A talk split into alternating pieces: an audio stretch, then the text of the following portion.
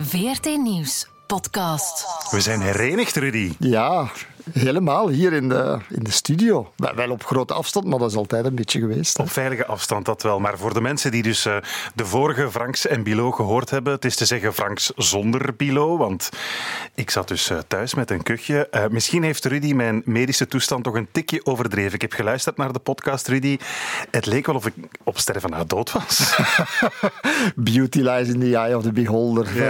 Ik bedoel, dat hoe je het zelf bekijkt. Er hoeft dus voor alle duidelijkheid nog niemand aan mijn in memoriam te beginnen. Ik ben nog steeds alive en kicking. Mijn hoesje vorige maand eh, bleek uiteindelijk geen corona, maar een onschuldige verkoudheid. Wel, Vincent, ik zal u iets verklappen. Ik heb nu zelf een hoesje. Je moet niet een kuchje. Maar dat is een hooikoortskuchje. Ja, maar daar kom je nu mee af. Nu in de studio zitten. Ja, en ik zit tussen u en de deur. Hè. Maar je bent zeker dat het hooikoorts is? Ja, ja, ja, absoluut. absoluut. Oké, goed. Ik ben er trouwens van afgeraakt van mijn kuchje met een eh, UV-therapie en een Baxter Javel. Dus, eh, Ik zie dat uw kapsel.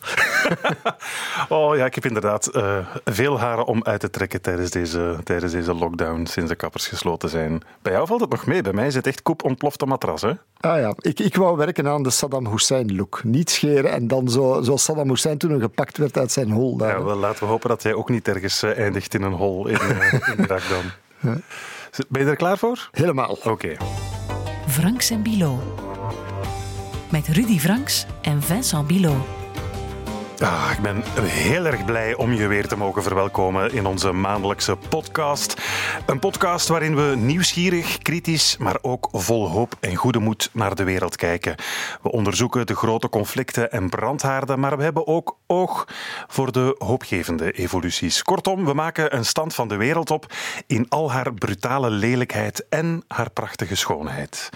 De blik op de wereld richten, het mag ook wel eens in deze tijden die zo beheerst worden door onze persoonlijke veldslag tegen corona. Een wereld die ook naar ons kijkt, trouwens, eh, Rudy. Want terwijl wij het hier zo vaak hebben over het Midden-Oosten, hebben ze in de Arabische wereld ook een mening over ons land, zo blijkt. Want volgens Al Jazeera, ken je Al Jazeera? Ja, absoluut. Ja. leven wij hier in België namelijk in, en ik citeer, the most prosperous failed state van de wereld. Vrij vertaald, de meest welvarende bananenrepubliek van de wereld.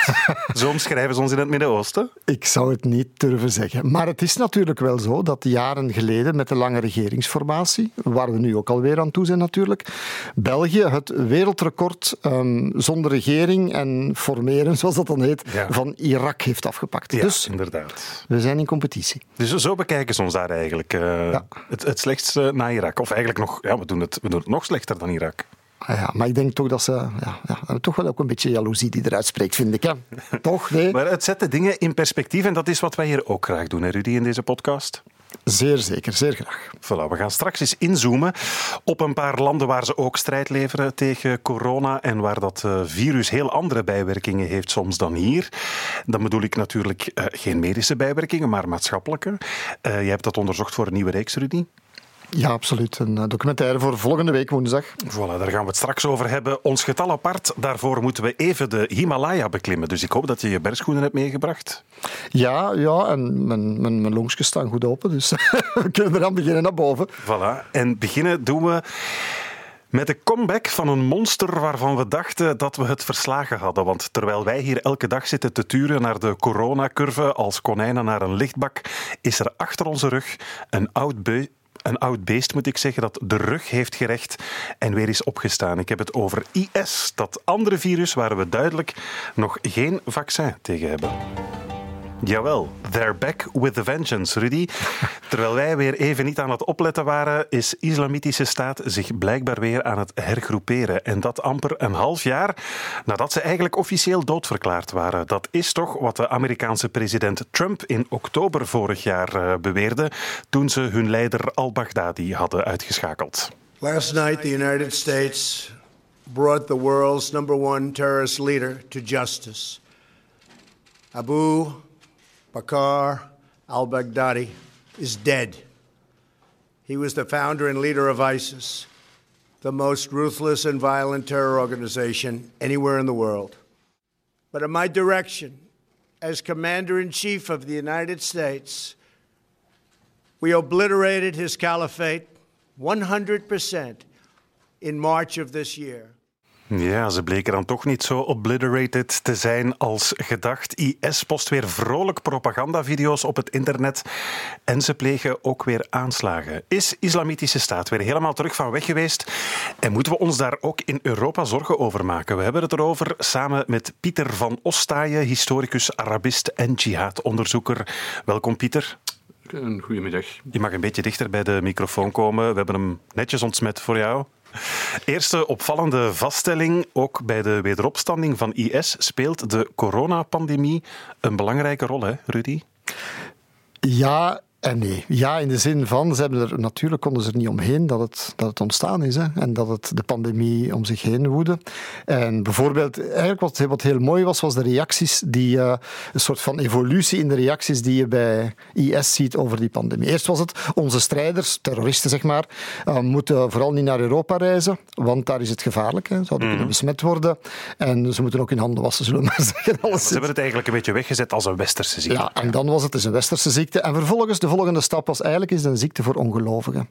Als je ziet, Iran eerst bij de Chinezen, de, de Oeigoeren, dan wordt verwezen naar de Chinezen, die de, een straf van God, zeg maar, die de, de Oeigoeren, een moslimminderheid in China, die daar vervolgd werd, wordt eigenlijk.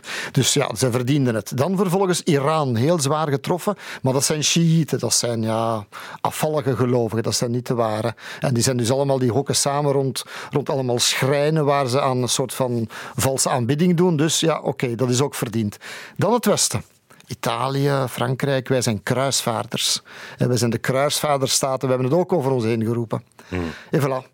Maar uiteindelijk zeggen ze nu, jullie zijn verzwakt het is misschien het moment om toe te slaan. Ja, ja moslimfundamentalisten die moeten het natuurlijk uh, hebben van, uh, ja, laten we zeggen, religieuze interpretaties van de werkelijkheid. En dat is inderdaad exact wat ze doen eigenlijk. Uh, corona een beetje recupereren door het een straf van God te noemen. Zoals bijvoorbeeld ook deze weduwe zegt in het Syrische vluchtelingenkamp Al-Hol.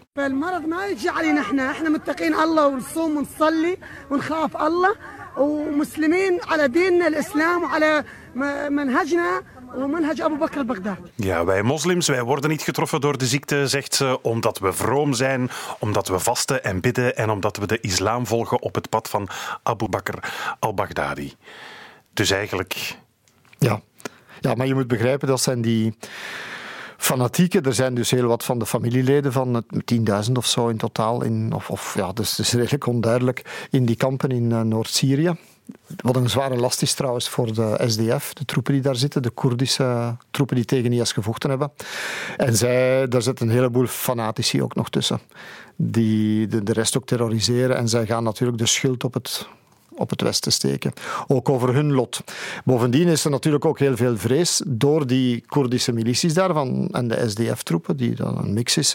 Kunnen wij daar de, dat wel blijven beschermen? Zullen wij, als we onder druk staan van IS, dat die misschien gaan proberen om hen te bevrijden? En er komen naar buiten heel veel berichten vandaar van, maar ja, dat zijn zo van die geruchten die dan werken, die dan beginnen rond te zoomen over dat, dat er grachten rond het kamp gegraven worden, dat, uh, of dat IS hen gaat bevrijden. Dus allerlei, of dat ze zouden gedood worden, of dat ze mogen sterven aan, aan, aan, aan corona. Dus dat is in die context gezegd, maar ze geloven dat echt, blijkbaar. Het is een soort van woede-uitbarsting. Ja, maar corona, straf van God of niet, kunnen we zeggen dat de IS bijvoorbeeld in Syrië opnieuw de rug kan rechten doordat uh, bijvoorbeeld, dat lees ik toch, het Syrische leger uh, heel erg getroffen zou zijn door uh, corona, doordat ja, de, de, de wapens toch ja, iets vaker zwijgen dan gewoonlijk? Ik denk dat het vooral ook, dat eigenlijk al het fenomeen zich al langer afspeelde, hè, al een maanden daarvoor. En dat begon met uh, de Turkse inval, die ook hè, die in het, het noorden de, van Syrië, uh, van het noorden van Syrië, de Koerden hebben aangevallen, waardoor de aandacht, ja, ze moesten zich gaan over twee fronten gaan, gaan verdelen, die Koerden, om te strijden. Zo aan de ene kant tegen de Turken, aan de andere kant de IS dat blijft, aan uh, Trump, die hen eigenlijk in de steek heeft gelaten door te, zijn troepen daar terug te trekken. Mm -hmm. Waardoor eigenlijk dat helemaal verzwakt is natuurlijk.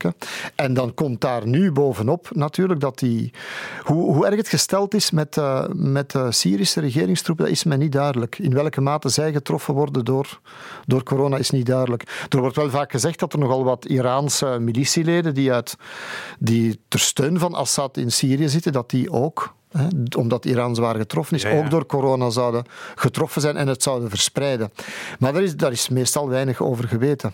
Maar alleszins speelt speelt corona en de verzwakking van de militaire operaties een rol. Wat je gaat merken is dat ehm, veel van die militaire operaties min of meer on hold staan. Ook in de strijd tegen IS. En dus zeker ook bij de coalitie, zeg maar, de westerse coalitie met de Koerden tegen IS. Dus op die manier, wat blijkt nu, want ze hebben een, een lange propagandavideo uitgebracht, onder meer uit Homs, wat jaren geleden was. Hè, dat Homs, een stad waar het, het verzet groot geweest was. Dat er eigenlijk die grote leegte um, van uh, in Syrië, waar Palmyra in ligt, en de stadje Al-Nukna, dat ze daar bij regelmaat, naar willekeur, kunnen aanslagen plegen en af en toe kortstondig gebied in, in beslag nemen. Ja. Maar ze hebben nog geen nieuw kalifaat, laten we wel wezen. Nee, nee, maar ze, ze tonen zich wel, wij zijn terug. Dat ja. is duidelijk de boodschap. En dat laat ze inderdaad weten via bijvoorbeeld propagandavideo's. أم تظنين أمريكا أن النصر بقتل قائد أو أكثر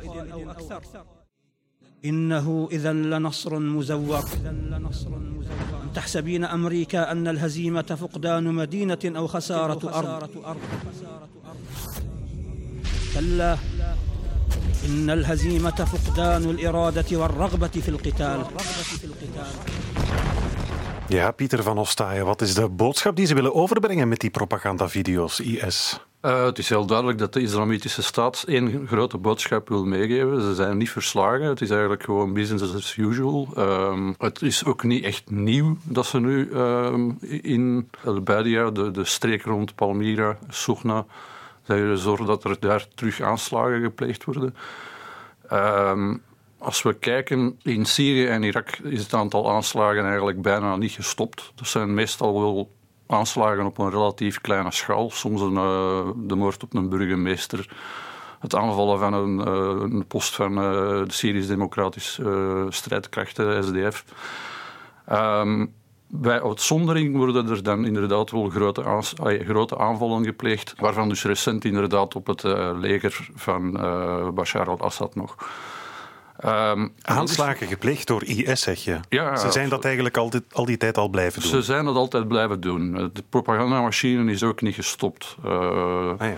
Ook zelfs niet na, dat, na de ingreep van Europol, waarin uh, verondersteld werd dat twee derde van de mediacapaciteit van IS uh, van de kaart geveegd was. Kortstondig is er daar een, een kleine verstoring geweest in de, de mediaforce, zal ik maar zeggen. Maar ze hebben zich redelijk snel herpakt. En uh, vannacht bijvoorbeeld hebben ze een, een nieuw propagandakanaal gelanceerd in het Hindi, om maar iets te zeggen. Ah ja. Oké. Nu, die eerste propagandavideo's, enfin, die twee grote waar nu zoveel aandacht eh, naar uitging, die zijn gepost, dacht ik, vanuit uh, Homs in Syrië en Kirkuk in het noorden van Irak. Dat wil dus zeggen dat ze niet alleen in Syrië, maar dus ook in Irak zich weer aan het hergroeperen zijn. Uh, ja, inderdaad. We zien eigenlijk gewoon een constante aanvallen, dagelijks bijna aanvallen in Syrië en Irak. Maar dat is ook niet alles. Uh, laat ons ook niet vergeten dat ISIS, ehm, als we gewoon kijken naar 2019, 455 aanslagen heeft gepleegd doorheen het continent Afrika. Uh, dat is een cijfer dat fenomenaal aan het stijgen is. Dat hier een beetje onder de radar blijft eigenlijk. Hè? Blijft hier volledig onder de radar. Daar hoor je bijna nooit iets van. Bijna ook wel vrijwel dagelijks of wekelijks toch minstens aanslagen in de Sinai. Het merendeel van de aanslagen in 2019 is daar gepleegd. Maar als we kijken naar de regio uh, rond het uh, meer Tjaad, dus het grensgebied tussen Tjaad Niger, Nigeria. Dat is een broeihaard gewoon. Daar zijn ze er vorig jaar op verschillende punten in geslaagd om heel grote aanvallen te plegen op legerkampen van het Nigeriaans leger. Mhm. En dan effectief ook op een bepaald moment werd er zelfs een aanslag op geëist waarbij rond de 70 Nigeriaanse soldaten zouden zijn gedood tijdens een nachtelijke raid van IS op een legerkamp. Oké, dat betekent dan toch dat ze redelijk operationeel zijn. Hè? Hoe, hoe, sterk moeten we IS op dit moment dan inschatten? Want een half jaar geleden werd gezegd, ja, ze zijn op sterven na dood. Hun kalifaat was tenminste heroverd, hè? dus dat, dat grondgebied dat hadden ze niet meer.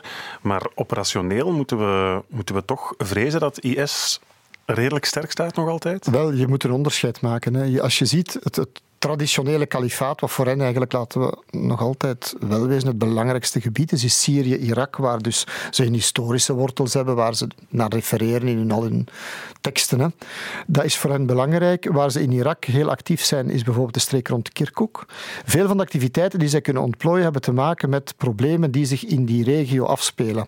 Rond Kirkuk, dat was dan een stad die door de Koerden geclaimd werd, hun historisch, historische hoofdstad, zeg maar, die door de Arabieren en de Turkmenen dan weer van hun kant werd naar zich willen terug opeisen. Waar de Shiïtische milities heel erg actief waren in de strijd tegen IS. Als je, dan, je mag ook niet vergeten de omstandigheden die bijvoorbeeld een zware klap betekenden voor die strijd tegen IS, is de dood van Soleimani. De Iraanse generaal-commandant van die milities. Wat die spanningen allemaal weer opdrijft. In al die breuklijnen, al die barsten, al die spanningen. En dat zie je overal. En dat zie je dus ook in Afrika, maar dus ook in Irak en Syrië. Daar kan IS, dat virus, zich nestelen. Kan het zich weer organiseren meer. Kunnen ze met meer audacity, zoals je zou zeggen, met meer overmoed gaan aanslagen plegen en instabiliteit creëren.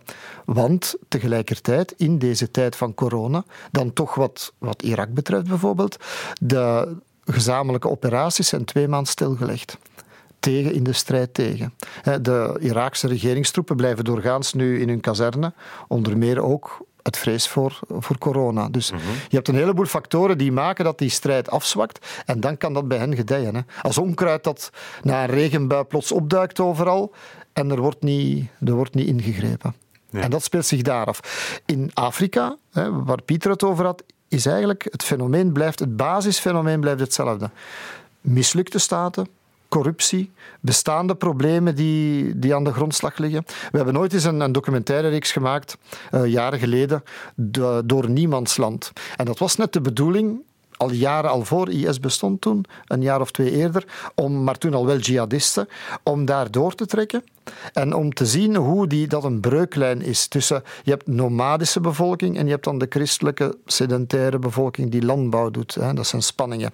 Je hebt de mensensmokkelroutes die langs daar gaan. Je hebt de drugstrafiek die daar binnenkomt. Je hebt zoveel potentieel van onrust, van sociale chaos, dat maakt dat bendes want men zegt vaak IS, is dat altijd IS? Is dat een heel grote versmelting met, ja, met dievenbendes en connecties met stammen, die dan nu weer eens naar Al-Qaeda overlopen, dan misschien zich trouw zweren aan, aan IS.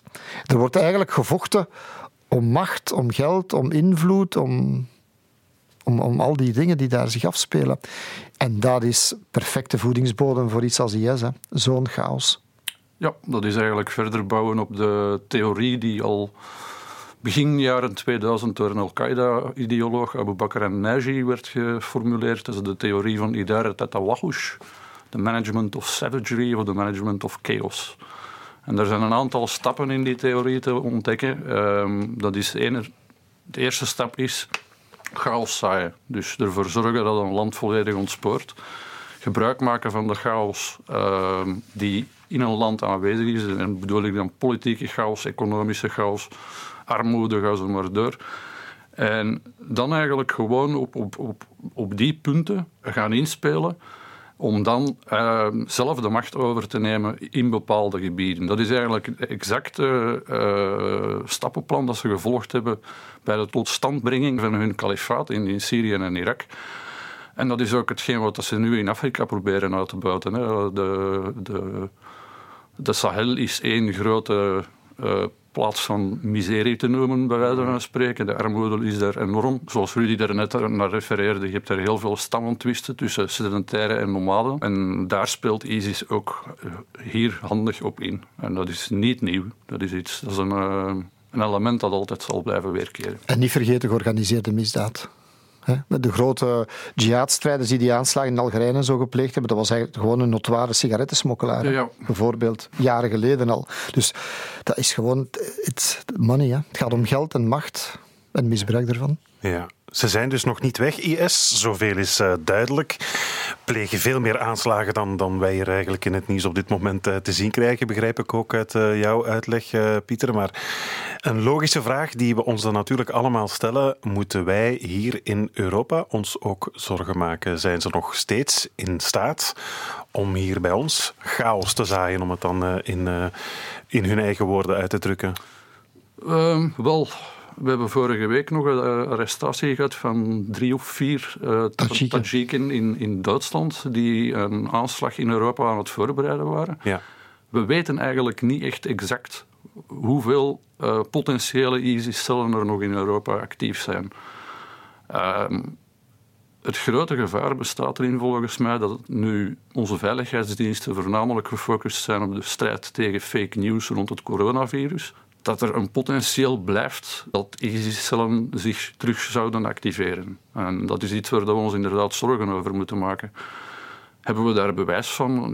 Nee. Ja, af en toe duikt er zo een keer een gevalletje op, zoals uh, in Duitsland. Maar ja. over het algemeen. Ik heb, ik heb die horen zeggen, zullen we maar zeggen. Hè. Laten we zeggen dat, dat, dat er uh, behoorlijk wat mensen opnieuw moeten worden in de gaten gehouden, omdat er men op de zolder, hier en daar op zolderkamers weer weer achter de computer aan het radicaliseren is. Terug meer dan enkele jaren geleden. Ja, dat zie ik heel duidelijk op Twitter. Het is tegenwoordig op Twitter, je moet echt geen moeite meer doen om uh, terug IS-supporters te vinden. Ja, ja. Um, ze komen zelfs... Allee, er vooruit. Open en bloot. Open en bloot. En dan zouden we terug de fout kunnen maken Als, als, als je mij permitteert, dat we die vroeger gemaakt is, namelijk dat een probleem veraf.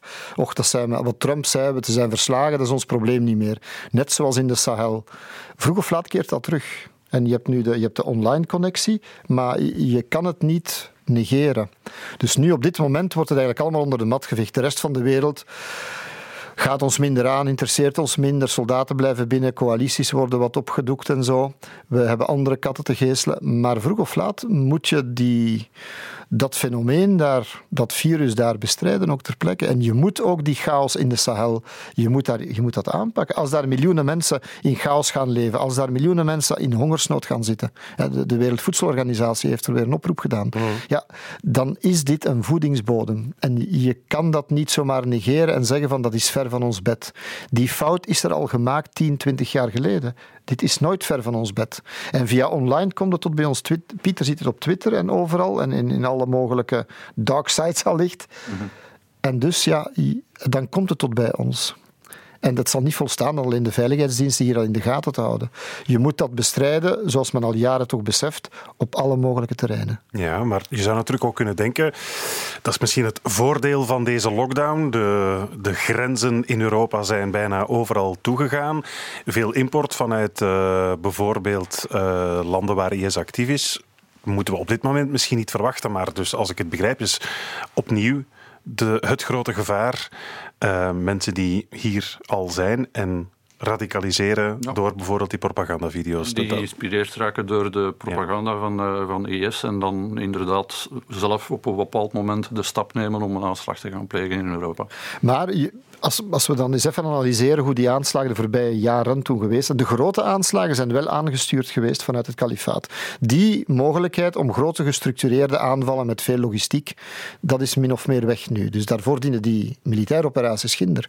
Je hebt dan wel veel van de kleine lone wolves, of hoe dat je dat ook mocht noemen. Het zijn mensen die geradicaliseerd zijn, die ergens een priester gingen neersteken of zo in Frankrijk, of, of dat soort kleine dingen. Dat is veel moeilijker te bestrijden.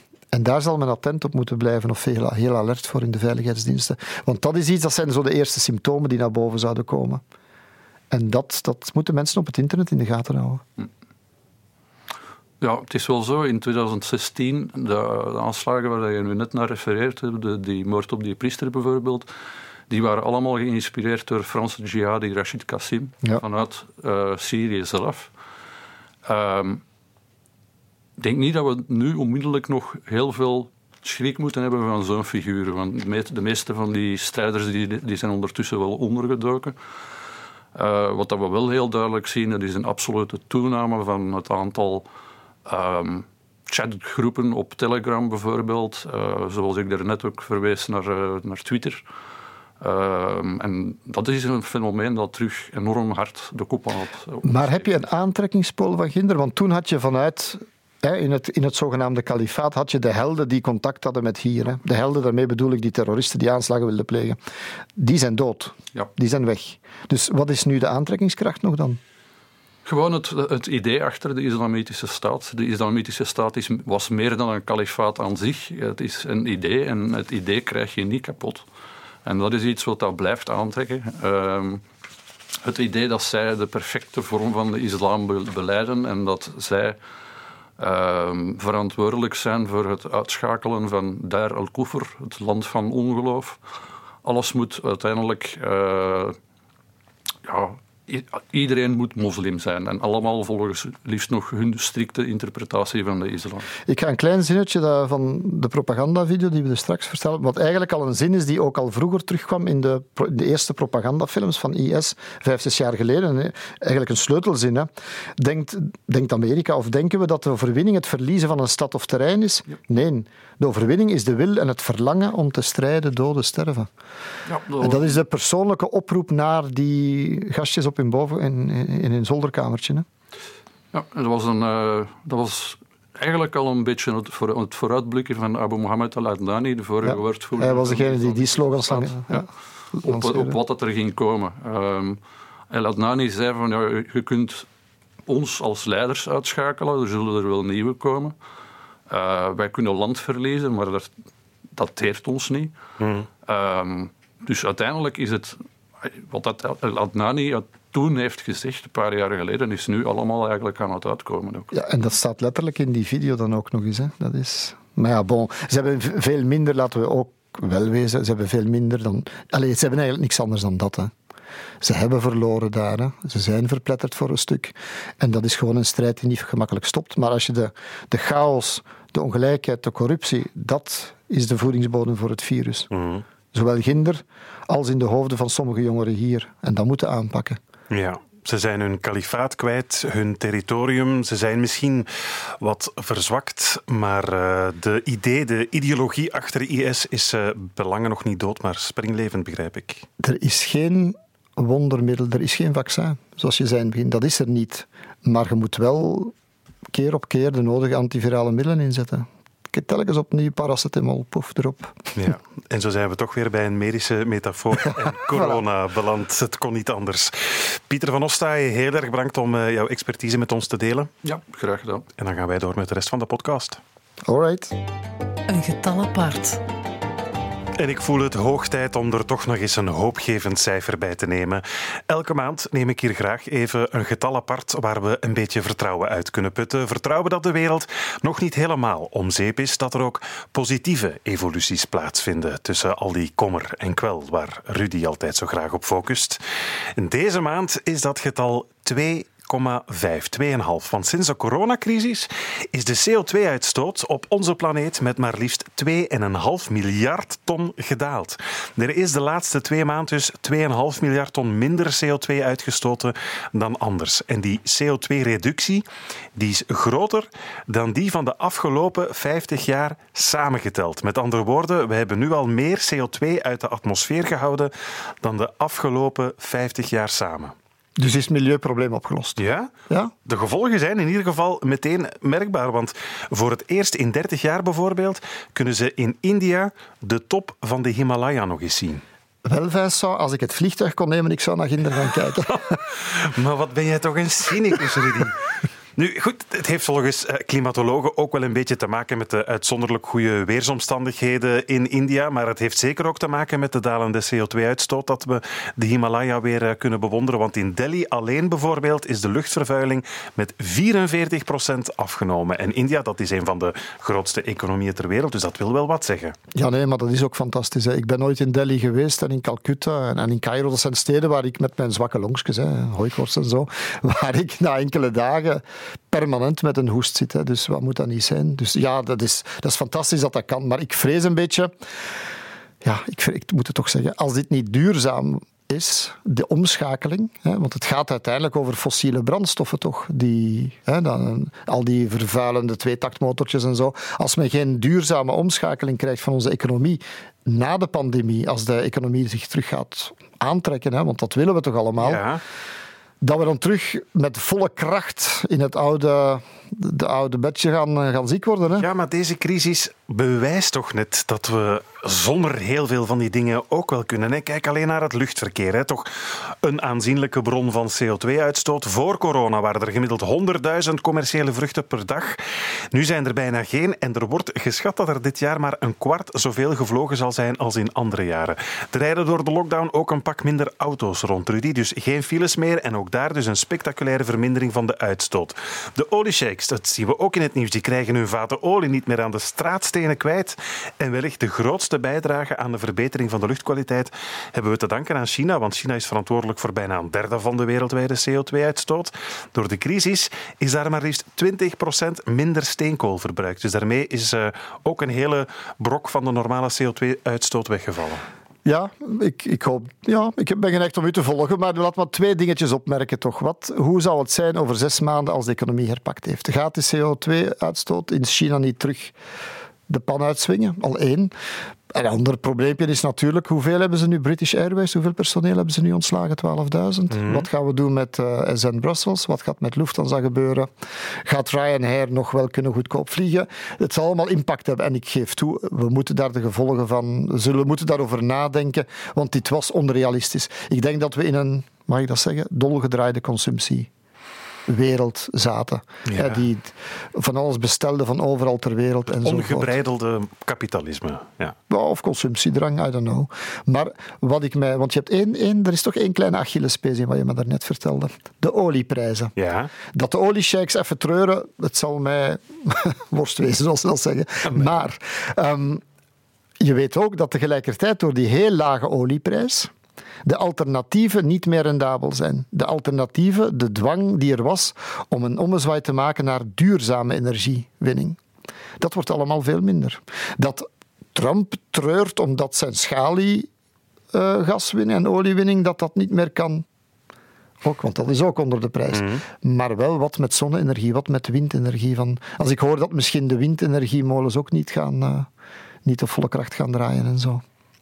En ik die dacht dat we eindelijk gered waren, Rudy. Ik dacht, de natuur gaat weer opleven. De, de gletsjers gaan zich herstellen. De bijenpopulatie gaat zich herstellen.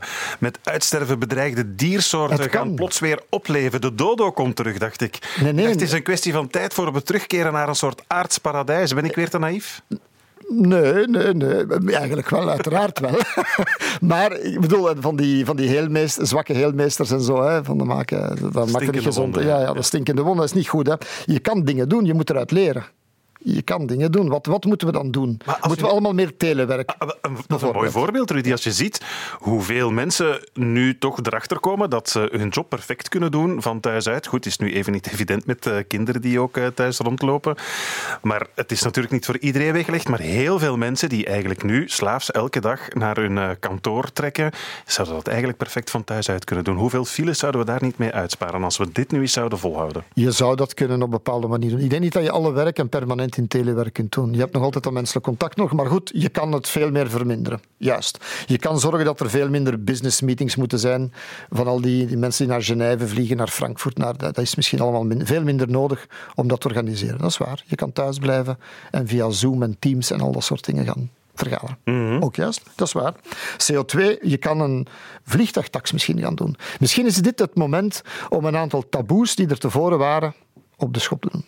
Je kan vliegt een heffing gaan doen op met vliegtuig gaan. CO2-tax, bijvoorbeeld. Ik, ik, had, ik had ter vergelijking, ik had uh, tijdens de paasvakantie um, een uh, nachttrein uh, geboekt naar, naar Wenen. Dacht, dat is veel ecologischer toch dan, dan met het vliegtuig gaan. Dat kost verdorie vijf keer meer met de trein gaan dan met het vliegtuig. Met het vliegtuig is dat spotgoedkoop naar Wenen gaan. Dat zijn toch dingen die niet vol te houden vallen.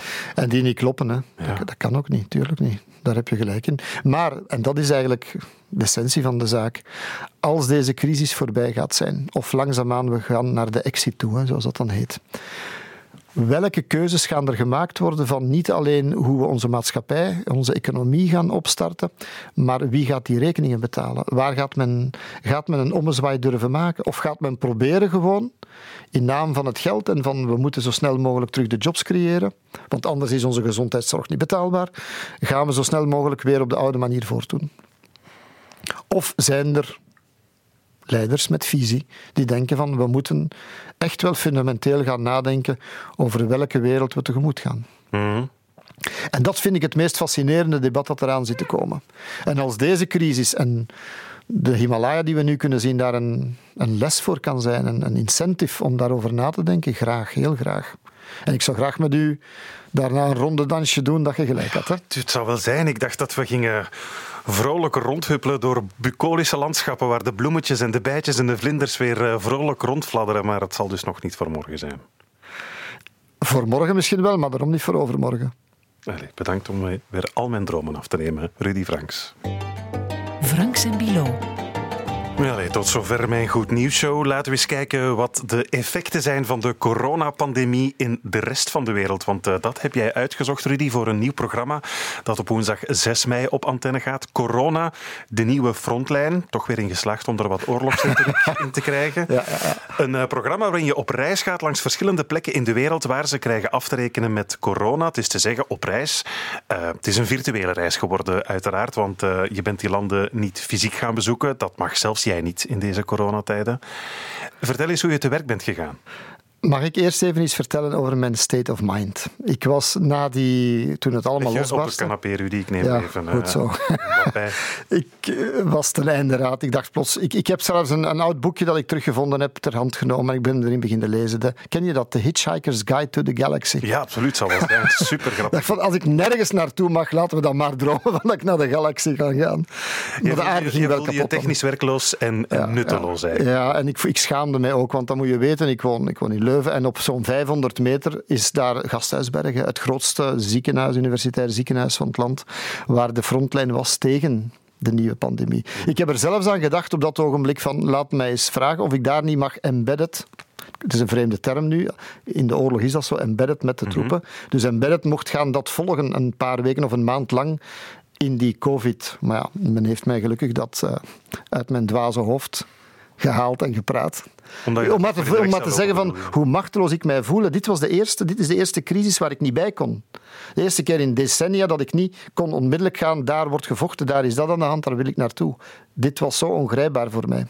En toen ben ik gaan nadenken over de DNA. Wat doen wij? Wij doen hè, met al, al jaar en dag, we gaan naar conflicten, we proberen de mensen uit te leggen, een blik op de wereld te geven, proberen ook die mensen een stem en een gezicht te geven. En nu kan ik dat niet meer. Of toch misschien. En ik ben gaan contact nemen met, met mijn team. Zijn we contact gaan nemen met alle mogelijke fixers, vertalers, uh, mensen die we kenden in een groot stuk van de wereld. We hebben met mensen in vluchtelingenkampen op Lesbos gepraat, in, in, in Bangladesh, op reddingsschepen, Mexico, overal. We hebben vier landen overgehouden. Ik dacht van laat me die nu volgen via Skype. Niet Skype, zo, zoiets anders. Ik, ik ken de naam alweer niet, want Zo, mijn regisseur, die Mark, die kent al die allemaal termen. Dat was het meest kwalitatief goede. Konden we een maand lang, regelmatig, verschillende keren per week, met vier mensen over drie continenten verspreid. Ecuador, Kinshasa in, in Congo, uh, Syrië natuurlijk en Gaza. Om te zien hoe zij met deze pandemie zouden omgaan, wat daar aan de gang is. Om nu tegen, ja, over, het is nu bijna klaar, gisteren heb ik de laatste ronde gedaan, met hen afscheid genomen, om de mensen terug bij ons, als we eindelijk aandacht zouden hebben, iets verder dan onze eigen, ja, onze eigen strijd hier, een blik op de rest van de wereld te geven. Mm -hmm. En dat was best wel confronterend soms, maar ook aan de andere kant hoopgevend, creatief, inventief. Ik vond het, het heeft me heel veel zuurstof gegeven. En het is een manier van werken. Dus die mensen die ik daar kende ter plekke, heb ik gevraagd, hè, want het is meer dan alleen maar tegen een schermpje praten dat we doen, gevraagd om met de camera, met alle mogelijke middelen, op pad te gaan. En mijn ogen en oren te zijn. Om eigenlijk de, vers, de, verhalen te gaan maken die ik anders zelf zou doen. Ja, je hebt van jouw fixers een beetje uh, vliegende reporters gemaakt. Ja, en ik, ja, on, ja. onder aanneming zeker. Hè. Ja, ik, heb, ik heb eigenlijk het manier gevonden om gemakkelijk tot mijn tachtigste door te gaan. Zo. Goed, dus vier plekken um, heb je onderzocht. Uh, Syrië, Idlib dacht ik vooral, Gaza, Kinshasa in Congo en Ecuador. Op welke van die plekken heeft uh, corona het, het hardst toegeslagen? Of anders gezegd, waar, waar krijgt de bevolking het het hardst te verduren? In de eerste plaats, boven alles verheven, Ecuador. Dit waren tafereelen die ik daar zag. Die, ik had dat niet verwacht. Um, we hebben dat vooral veel ook stiekeme beelden. Die man heeft dat daar van het internet gehaald via zijn con connecties die hij daar kreeg, die stiekem in ziekenhuizen gefilmd hebben of op straat, want iedereen moest binnenblijven. Dat is een stad Guayaquil aan de oceaan, waar anderhalf miljoen mensen woont. En de, de lijken liggen daar op straat, werden niet meer opgehaald. Mensen moesten zelf mensen in hun tuin gaan begraven. In het ziekenhuis werden containers waar de lichamen in lijkzakken bij elkaar gegooid werden. Dit was waanzinnig wat zich daar afspeelde, met duizenden. En ja, ik, daar ben ik zwaar door. Uh, en is dat dan omdat, omdat, de gezondheidszorg daar zo achter Ja, maar eigenlijk is dat toch een. naar, naar wereldnormen eigenlijk een redelijk ontwikkeld land. Hè. Ik bedoel, en toch is dat daar ingestort op een of andere ja, vreemde manier. Overrompeld daardoor, niet aangekunnen, ingestort. Wij hadden die, die gedachten over Italië, hè, omdat het daar ook breken naast stond. Hè. Ja, ja. Wel in Ecuador, in Guayaquil toch, alleszins, daar zijn ze gebroken. En dat heeft mij wel uh, gepakt. Die man zelf trouwens, Calais, die we daar volgen, die kon ook niet meer buiten, want die heeft intussen, in zijn familie is het ook het virus gaan woeden, is zelf ook ziek geworden. Um, zijn schoonbroer is overleden, zijn zus op sterven na dood geweest. Hij wou die naar het ziekenhuis brengen en zijn vrienden, de dokters in het ziekenhuis, die zeiden, hou ze thuis, want hier, ik garandeer u 100% sterft ze. En dan wordt het wel stil natuurlijk. Dus dat is Ecuador. Dus. Gelukkig dat het in de andere landen, en vandaar ook die verschillende situaties, waar ik dacht dat het ergst zou worden, daar is het onder controle. Syrië, nog geen geval in dat gebied in Idlib. Gaza, 17 mensen. Ik was daar nog maar pas geweest twee maanden geleden. Nu 17 besmettingen. Die allemaal goed zijn opgevangen in uh, ja, speciale opvangcentra aan die ene grenspost. Want dat is het mirakel van Gaza dan weer. Hè. Dat is al 14 jaar hermetisch afgesloten van de buitenwereld quasi.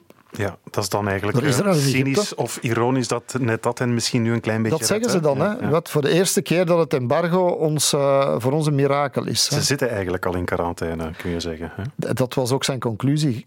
Gisteren, toen ik de laatste keer praatte met Nizar, mijn tolkkinder, ja, Rudy, wij leven al 14 jaar in quarantaine. Nu ziet de rest van de wereld wat dat is eigenlijk, om dat ook mee te maken op die manier ik had daar weinig, tegen, weinig verweer tegen, eerlijk gezegd. Ja. Ze gaan er uh, wel redelijk creatief om met uh, de pandemie, Rudy. Want uh, Nizar vertelde jou onder meer dat, ehm, ja, dat ze creatief aan de slag gaan om bijvoorbeeld beademingstoestellen te maken. The Islamic University of Gaza, one of 13 different universities in the strip, was shut down right when the state of emergency was declared in Palestine. Divergent thinking can still be a surviving mechanism when people have no means of fighting a hidden enemy. Two engineers from this particular university, Ismail Abu Skhela and Isam Khalafallah, decided to take action.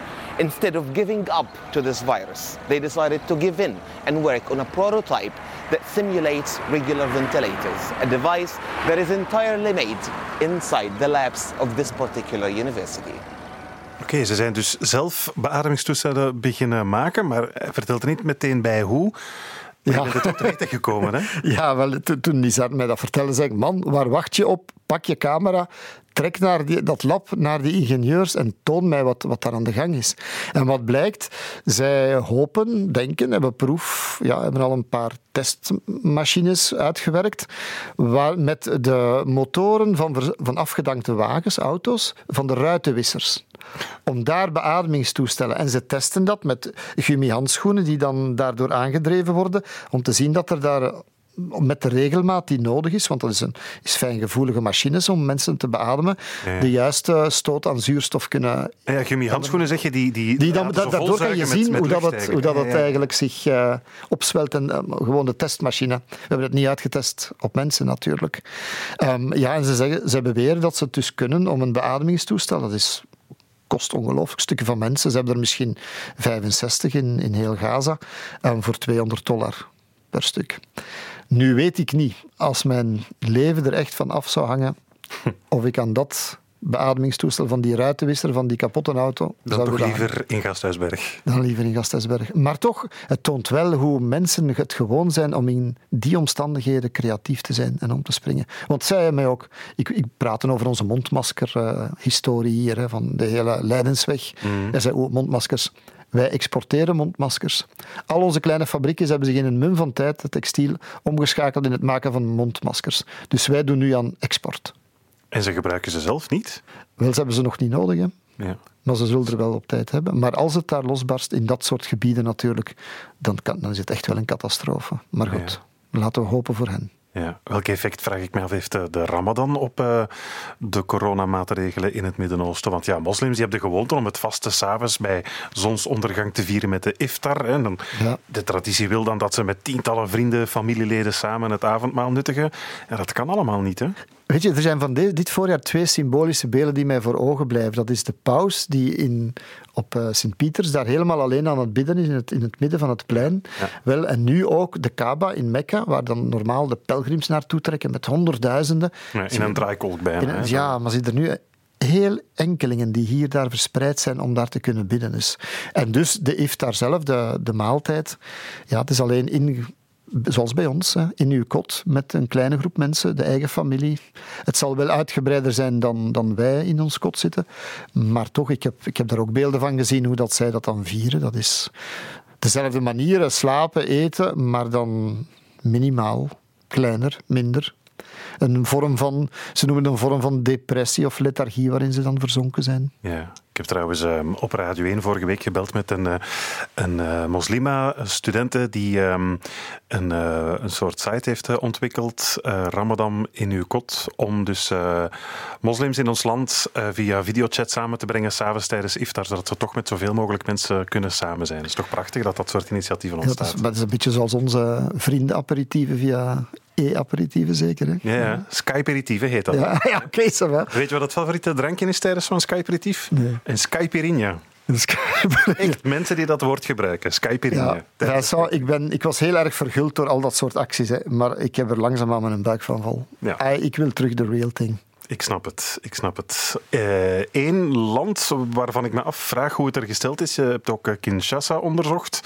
Er werd met heel veel vrees uitgekeken naar een mogelijke doorbraak van corona in Afrika, omdat we ook weten hoe erbarmelijk het daar gesteld is met de gezondheidszorg. Hoe is het daar eigenlijk op dit moment? Ja, als je het hebt over beademingstoestellen, misschien twee of zo voor miljoenen mensen. Dus dit is quasi onbestaande. We hadden contact met, of hebben contact met de Van der Ronst van Afrika, zeg maar. De, echt, de man die ebola bestreden heeft, dokter Muyembe, die trouwens in Leuven gestudeerd had. Muyembe van Ranst. Ja, van Ranst, ja. Nee, ik heb dat van Ranst gevraagd, hij kent hem trouwens. Ah, Jean-Pierre zei hem, doet hem de groeten. Ja, oké. Okay. Dus nee, nee. Dokter Muyembe die zei van, ja, het is merkwaardig, het verspreidt zich nog niet zoveel, maar misschien verspreidt het zich zonder dat we het beseffen, want testing is daar niet zo vaak. Alleen zijn er nog niet zoveel symptomen. Er zijn nog niet zo heel veel mensen aan dood gegaan. En wat vooral ook is, mijn voornaamste strijd zijn nu in deze pandemie, is eigenlijk de mensen van fake news dat kunnen weerhouden. Want veel Congolezen dachten in het begin, dit is een ziekte voor blanken. Ah, ja. Dus bij, in België dat gebeurt, in Frankrijk zijn maladie pour les blancs, dus dat is niet voor ons. Ja. Maar als dan toch bleek dat er een aantal ministers ziek geworden zijn, een paar adviseurs van de president overleden en zo, dan werd het hart van Kinshasa werd dan afgesloten, waar zowat de rijken en de, de machtigen leefden. Mm -hmm. Want dan zeiden ze, de volgende mythe was dan, ja, maar het is een uh, ziekte voor de rijken. Dus COVID-19 zou volgens vele Kinwas van, uh, van Kinshasa een ziekte voor rijken zijn. Hij zei van ja, dit is. Wacht tot het echt wel doordringt. Maar hij hoopt, en dat is merkwaardig misschien, dat, door de, dat de symptomen misschien minder intens en hevig en dodelijk zullen zijn daar dan bij ons. Ja. Dus hij leeft op hoop. Het is wel interessant onderzoek dat hij verricht, want dat zal dan in samenwerking met het Tropisch Instituut en zo ook bij ons opgevolgd worden natuurlijk. Dus in dat opzicht is ook dat wel leerzaam van kijk, waarom zijn wij net zo hard getroffen? Hè? Ja, ja, dus dat, dat Afrikanen blijkbaar beter bestand zouden zijn tegen. Ja, of dat ze misschien bepaalde... Ik, ik heb het ook aan Van Ranst gevraagd trouwens gisteren nog, die zei ja, misschien dat heeft met de minder oudere mensen, hè, uiteraard. Misschien met de, de klimaat, maar allicht ook met een soort van stof dat wij ik, ik, heb geen verstand van chemie en zo. Nee, nee. Wij in ons lichaam hebben en zij veel minder. Ja, natuurlijk. Um, in jouw tweede thuisland, Rudy, in Italië, heeft corona natuurlijk uh, ja, heel hard toegeslagen. Dat weten we allemaal. Het heeft daar ook nog ja, bijzonder verontrustende neveneffecten, uh, waar ik het met jou even wil over hebben. Want daar uh, in Italië is het de maffia die probeert te profiteren van de crisis. De Cosa Nostra in Sicilië, de Camorra in Napels, de Ndrangheta, zeg ik dat juist, ja, ja. in Calabrië. Ze zien allemaal hun kans schoon om hun greep op de samenleving weer te verstevigen. Hè? Ja, absoluut. Maar mag ik toch nog e- heel even... Heel, jij moet niet de enige zijn met positief nieuws. Ik heb Ah. positief nieuws ontvangen. Aha. Niet alleen heeft mijn, mijn wijnboer nu mij een boodschap gestuurd dat hij aan huis wilt leveren, van in Italië. ik denk niet tot bij mij, maar bon. Maar ook en vooral, ik heb van de, de, de gemeente, de, de burgemeester, had een filmpje rondgestuurd vorige week, want ik hou contact, dat zijn stad, de stad waar ik verblijf, dat dat de eerste coronavrije, besmettingsvrije middelgrote stad van, eh, het zuiden, van Italië, centrum en Zuid-Italië moet dat Toch fantastisch, hè? Ja, ja, Ah, dat heeft mijn dag goed gemaakt. dat zal wel zijn. Ja. Ja, toch wel. Maar goed, De maffia. Die is bij ons niet, voor alle duidelijkheid, hè, zullen we maar zeggen. Allee, bij ons bedoel ik in, in Umbrië. Maar eh, in eh, Calabria, Sicilië. Het is eigenlijk het fenomeen dat zich eigenlijk na de aardbevingen en zo ook heeft afgespeeld. Namelijk, het moment dat er moet geld, er gaat geld komen. Wie gaat dat geld? Gaat dat, is dat een bron? Daar gaan altijd die vliegen op afkomen. Gaan dat proberen iets uit te halen. Er zijn al kleine schandaaltjes opgedoken, dacht ik, op Sicilië. Toen men aan voedselbonnen en voedsel wou uitdelen, dat die voor een ander tarief in ruil voor cash werden door eh, georganiseerde misdaad overgekocht. Bijvoorbeeld, je krijgt voor 100 euro en zij kopen hem terug voor... eh, jij krijgt dan 80 euro en zij strijken de bon op of zo. Ja. Dus dat, daar begint het al. Ja. Ehm, ze gaan ook in tijden van nood, want ik denk dat in het zuiden de, een geluk dat daar de crisis, de pandemie niet is uitgebroken op die manier. Is redelijk gespaard gebleven van corona. Gelukkig maar. Want daar zou de gezondheidszorg veel sneller instorten. En dan, daar heeft men ook geen sociaal... ja, men is armer gewoon, punt. Ook qua werkloosheid, grijze economie en zo, om dat aan te kunnen. Dus maar daar, in die sectoren, gaat nu bijvoorbeeld, als die winkels over kop gaan, wegens de crisis, want ze zaten ook in lockdown, dan gaan ze de, de maffia gaat geld geven. Lenen.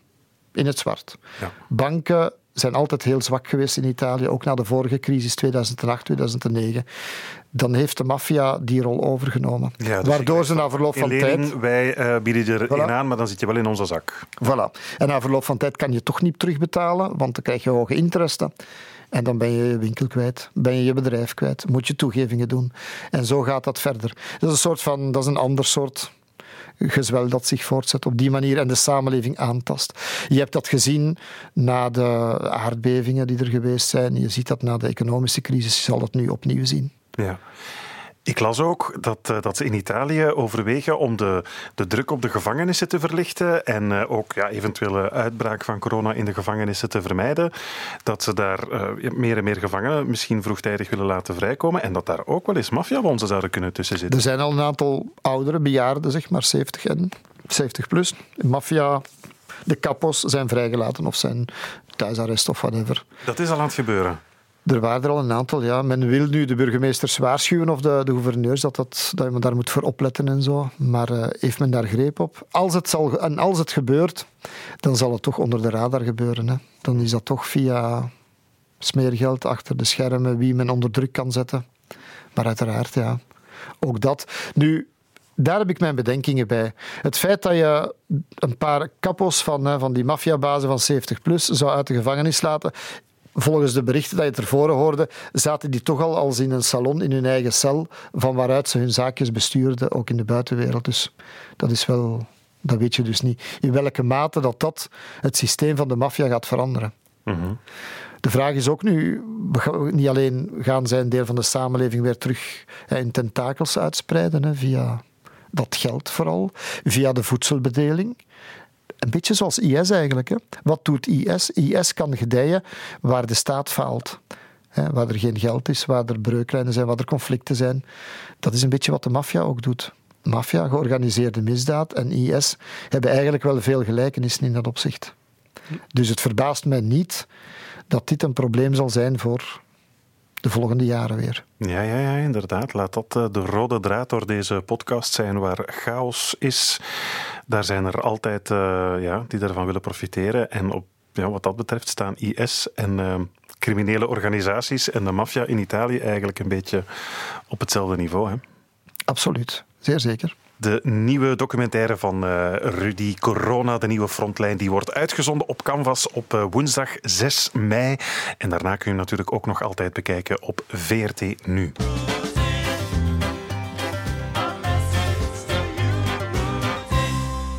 Wij hebben hier bij Franks en Bilo nog lekker oldschool een mailadres. Dat mailadres dat kun je bereiken op vb.vrt.be om ons eh, jouw opmerkingen over deze podcast eh, te laten geworden. Bedenkingen die je hebt, vragen die je misschien ook wel uh, hebt over de wereld die je graag eens beantwoord zou krijgen in deze podcast. Maar ook eenvoudige messages to Rudy zijn welkom en die leg ik hier dan bij complete verrassing van Rudy aan hem voor. Dat heeft al allerlei uh, verrassende inkijkjes in jouw uh, psyche gegeven en jouw persoonlijke leven, beste Rudy. Dat mogen we wel zeggen. Ik heb vandaag een uh, prangende vraag van Clara van de Wegen voor jou. Clara heeft ons gemaild. Zij wil weten, Rudy, welk levensadvies jij nu zou geven aan je jongere zelf met wat je nu allemaal weet dus. En bij uitbreiding dus, welk levensadvies zou je meegeven aan alle jongvolwassenen nu? Laten we zeggen, uh, jongvolwassenen die nu uh, afstuderen aan de humaniora of de universiteit, 18, 20 jaar. Welke raad zou je hen meegeven? Dezelfde raad die je misschien aan jezelf zou willen meegeven, je jongere zelf. Het zijn fascinerende tijden, pas je aan. Want dinosaurussen sterven uit. Dan moet ik toch aan mezelf denken. nee, maar... En dan vooral de volgende, uh, wie schrik heeft, krijgt ook slaag. Je moet er gewoon voor gaan. Het, het, het, is en blijft een fascinerende tijd waarin we leven. Hou hem bij. Ze zeggen van, je moet het... De virologen zeggen altijd, we hebben het virus bij de nekvel. Nee, nee. Zorg dat jullie het leven bij de nekvel hebben. Amai, dat vind ik mooi gezegd. En zomaar bedacht, hè, plots. Je hebt me echt voor tegen de muur gezet, Vincent. Maar... Ja, ja. En, en, en ook begrijp ik beter spijt hebben van iets dat je hebt gedaan dan spijt hebben over iets dat je nooit hebt gedaan. Dat zeer zeker. En daar heb ik vroeger misschien wel vergissingen tegen begaan. Sommige dingen die je niet doet, die je toch zegt van fuck man, je had dat wel moeten doen. Mm Is nooit goed, hè? Nee, dat is waar. Voilà. En laat ik daar misschien nog één klein advies aan toevoegen. Ook nooit meer aan deurklinken en liftknoppen likken. Dat heb ik onthouden uit de dat is een gewoonte bij de radio.